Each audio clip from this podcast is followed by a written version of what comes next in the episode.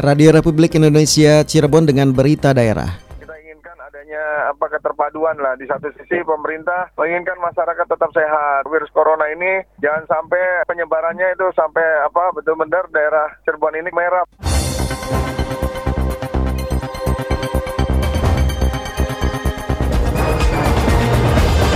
Sari berita, protokol kesehatan COVID-19 pada masa adaptasi kebiasaan baru semakin longgar. Pemerintah Kota Cirebon memperketat pengawasan dan pembinaan terhadap masyarakat demi menekan COVID-19. Bersama saya Nono Kartono, inilah berita daerah selengkapnya.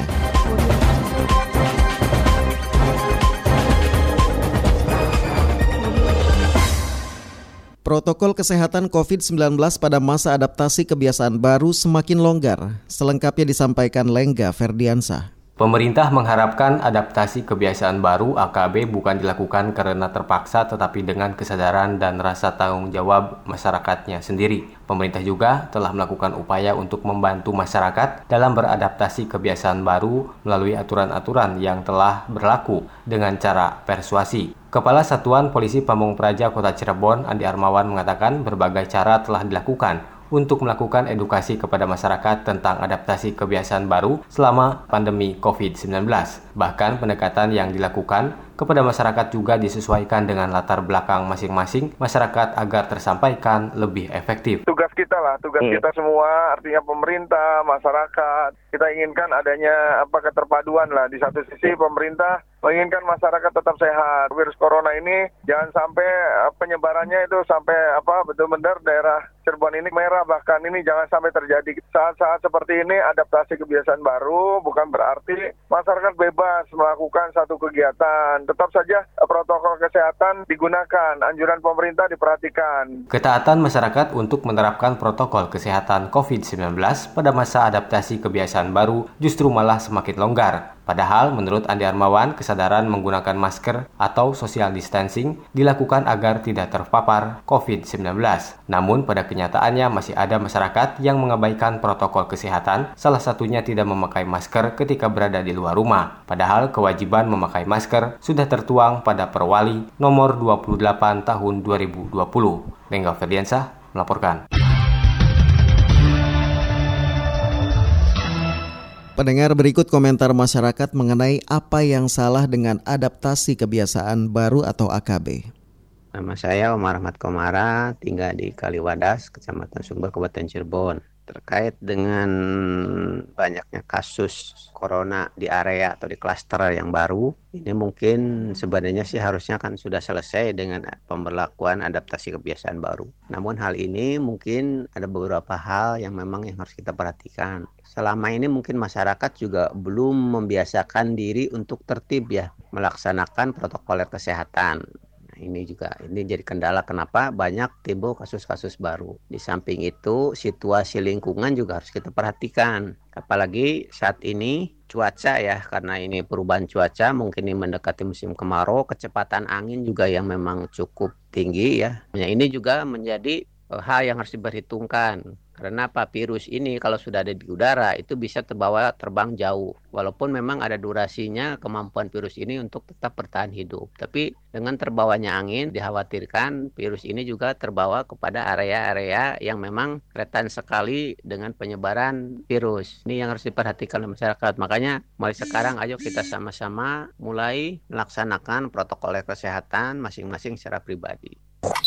Menurut saya itu karena kurangnya kesadaran diri masyarakat untuk menerapkan protokol kesehatan yang sudah dianjurkan pemerintah. Contoh kecilnya aja penggunaan masker. Saya sendiri masih lihat banyak masyarakat yang tidak menggunakan masker di jalan-jalan atau bahkan di tempat umum. Padahal jelas-jelas Pak Ridwan Kamil sendiri sudah menerapkan denda bagi siapa saja yang tidak menggunakan masker di tempat umum. Itu sangat disayangkan. Contoh kecil seperti itu saja masyarakat tidak diterapkan. Entah kenapa apa yang dipikirkan masyarakat tentang corona itu sendiri sendiri. Mungkin masyarakat menganggap corona sudah tidak berbahaya lagi, padahal corona itu masih mengganggu pikiran kita, masih menjadi momok yang sangat menakutkan buat kita semua. Harusnya sih masyarakat lebih sadar. Ketika kita sudah sadar, kita boleh tuh mengingatkan orang-orang untuk menggunakan masker. Bahkan pemerintah juga tidak melarang kok kita untuk menegur siapa saja yang tidak menggunakan masker. Saya juga pernah negur beberapa orang yang ada di samping saya tidak menggunakan masker. Terus saya bilang, tolong dong pakai maskernya. Sebenarnya sih tidak ada yang salah ya dengan diberlakukannya AKB ini. Cuman melihat kasus khususnya di kabupaten itu kan tambah melonjak. Ada 16 terkonfirmasi warga yang positif. Ya penyebabnya ketidakpatuhan masyarakat untuk memakai masker ketika keluar rumah mencuci tangan yang baik dan benar terus jaga jarak. Itu yang harus kita patuhi khususnya untuk masyarakat ya yang memang banyak mobilitasnya gitu.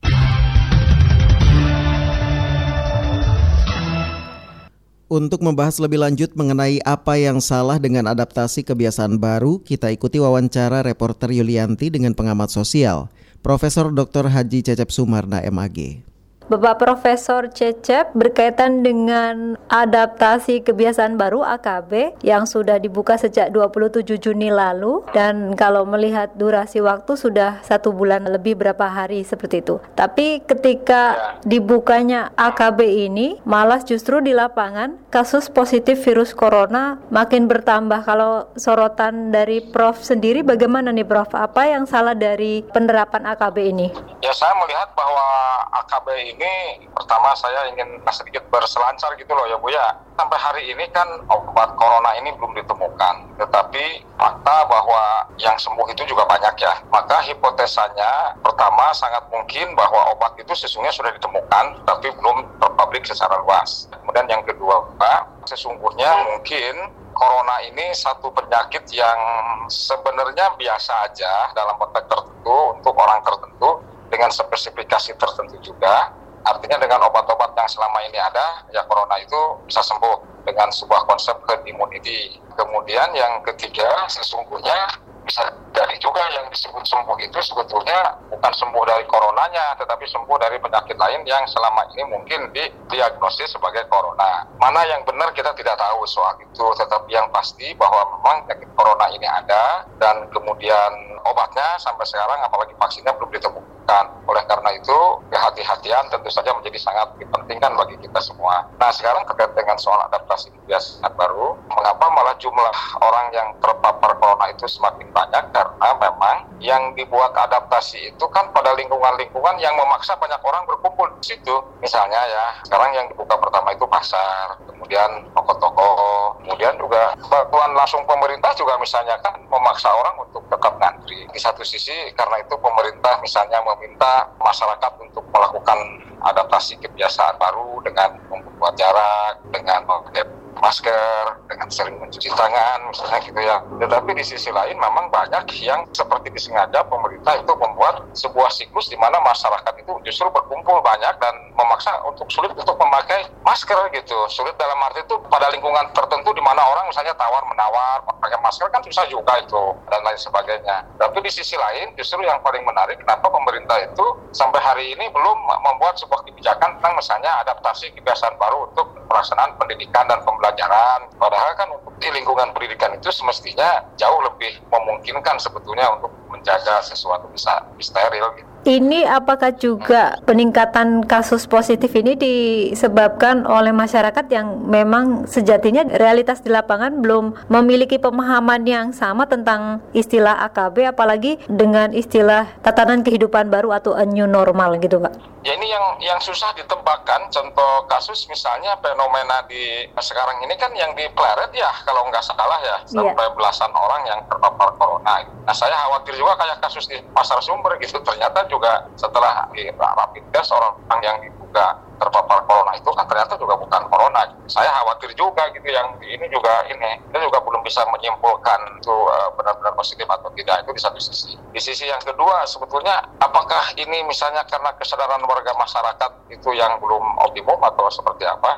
Itu tadi yang saya katakan, yang dibukanya di pasar-pasar, terpasar orang memaksa misalnya untuk berdekat. Saya orang mau nawar bawang, orang mau nawar kue gitu, jaraknya 2 meter kan perlu suara keras, macam-macam lah gitu ya. Saya kira saya kira ini memang juga ya nggak efektif sih cara-cara KB ini diterapkan gitu kalau yang dibukanya adalah sektor-sektor yang saya gambarkan tadi gitu. Kalau kita kedepankan dari virus corona ini adalah fakta itu Pak bahwa memang virus corona ada dan memang ada juga korban yang terpapar bukan malah ini adalah sebuah konspirasi atau apa pun itu sehingga mungkin masyarakat dalam menyikapi atau menganggap kehidupan sudah normal ini kan tidak kebablasan seperti itu Pak Cecep. Betul betul. Jadi kalau bahwa corona itu ada ya, kemudian bahwa corona mematikan ya juga.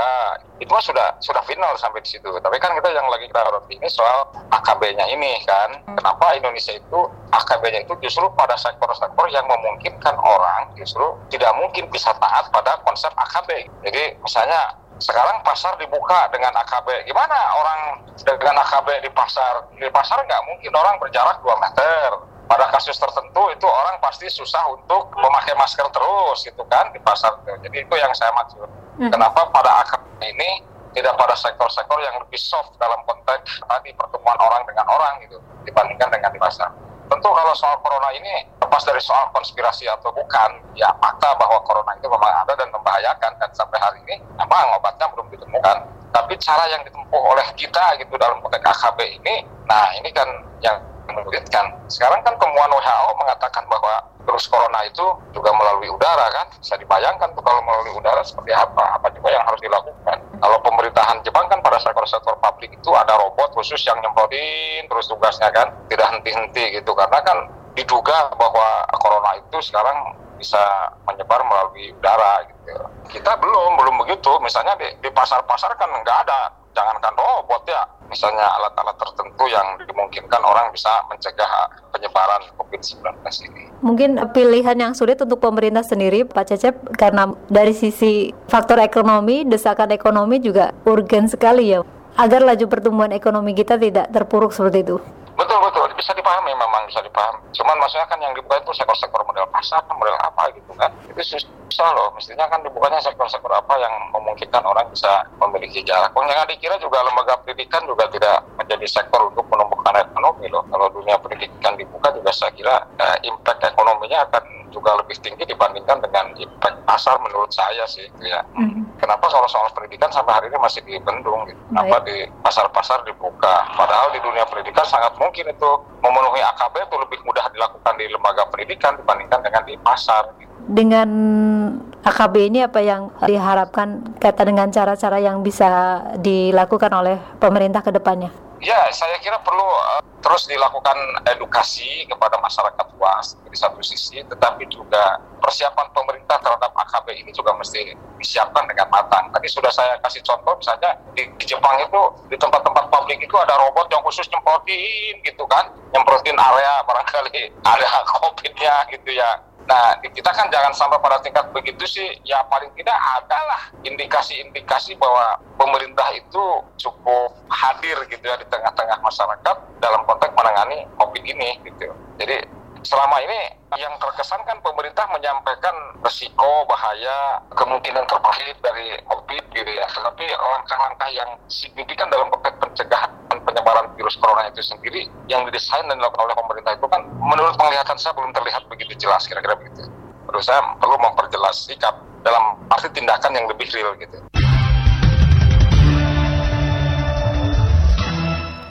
Pemerintah daerah Kota Cirebon akan memperketat pembinaan, pengawasan, dan pengendalian Binwasdal kepada masyarakat untuk pencegahan penularan COVID-19 selama masa adaptasi kebiasaan baru. Tim Binwasdal terdiri dari sejumlah satuan kerja perangkat daerah SKPD di lingkungan Pemda Kota Cirebon, Forum Koordinasi Pimpinan Daerah Forkopimda, TNI, dan Polri. Sekretaris Daerah Sekda Kota Cirebon Agus Mulyadi mengatakan tim Binwasdal dibagi enam tim dengan sasaran pusat perbelanjaan dan keramaian seperti pasar dan ruas jalan. Teknis kegiatannya ditentukan oleh tim berdasarkan bidang SKPD masing-masing. Berkenaan dengan sanksi bagi pelanggar protokol kesehatan masih menunggu peraturan Gubernur Jawa Barat yang akan diturunkan dalam peraturan Wali Kota Cirebon sebagai payung hukum. Tim Binwasdal juga akan membuat panduan penyelenggaraan kegiatan seperti acara hajatan, Idul Adha, dan peringatan hari ulang tahun kemerdekaan RI.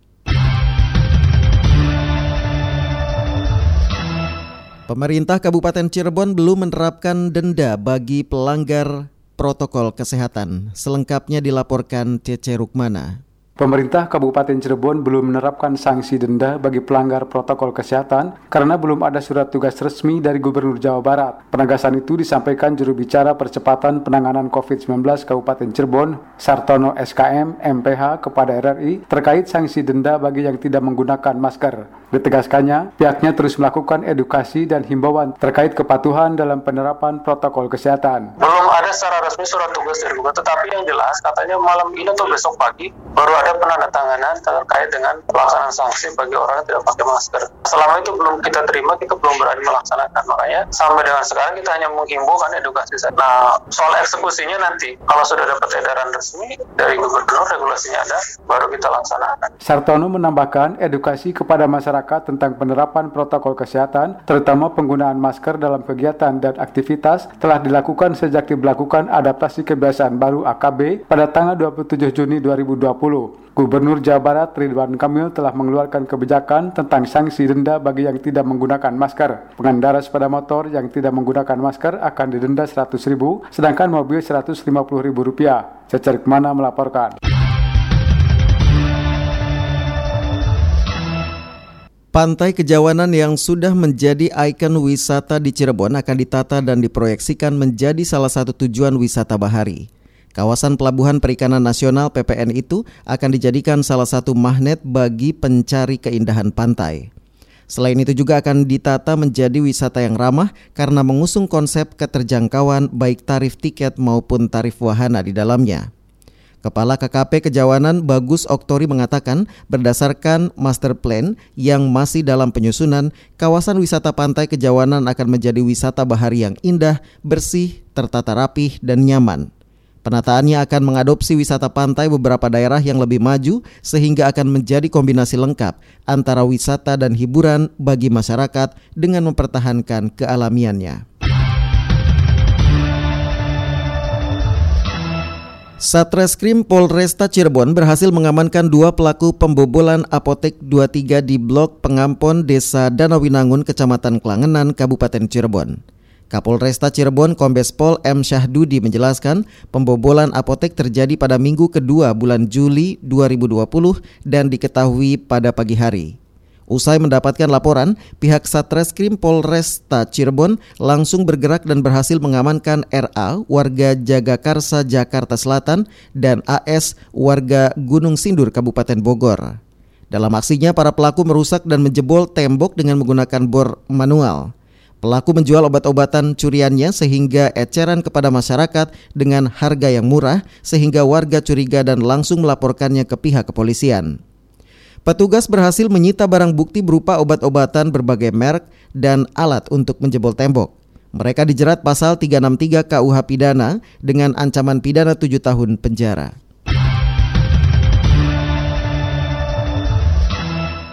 Kami sampaikan berita olahraga.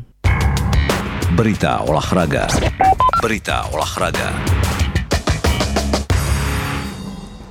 Prestasi cabang olahraga futsal dinilai sangat menjanjikan. Laporan selengkapnya disampaikan Aji Satria. Perkembangan dunia olahraga futsal kota Cirebon dinilai cukup menjanjikan dan hal tersebut harus terus dipertahankan dengan sebaik mungkin di masa mendatang. Hal itu diungkapkan pengamat olahraga Cirebon Gede Aditama. Kepada RRI, Dede mengatakan bahwa perkembangan tersebut terus naik dari tiga tahun ke belakang dan harus mampu menunjukkan taji yang terbaik pula, bukan malah penurunan tensi baik latihan ataupun prestasi. Dede yakin dengan segudang potensi dan amunisi para pemain futsal kota Cirebon, maka cabang olahraga futsal kota Cirebon Akan maju pesat. Salah satu upayanya juga harus mampu mencari bibit-bibit pemain baru dari berbagai klub yang ada di kota Cirebon. Untuk saat ini olahraga futsal grafiknya sudah mulai meningkat semenjak pisah dari PSSI. Untuk menambah prestasi ke depannya diharapkan bisa mencari bibit-bibit atlet baru tidak hanya dari kampus-kampus bisa juga dari klub-klub lokal yang ada di Cirebon. Karena apa? Selama ini kayaknya kurang terpantau atlet-atlet yang mumpuni mumpuni di klub-klub lokal untuk bisa masuk ke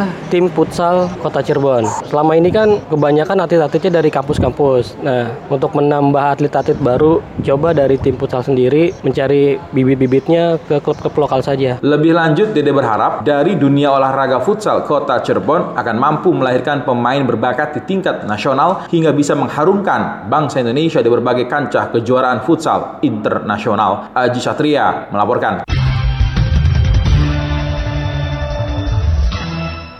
Pendengar informasi olahraga tadi mengakhiri berita daerah edisi Rabu 29 Juli 2020. Selamat pagi. Demikian rangkaian berita aktual pagi ini dalam Buletin Berita Daerah Radio Republik Indonesia Cirebon.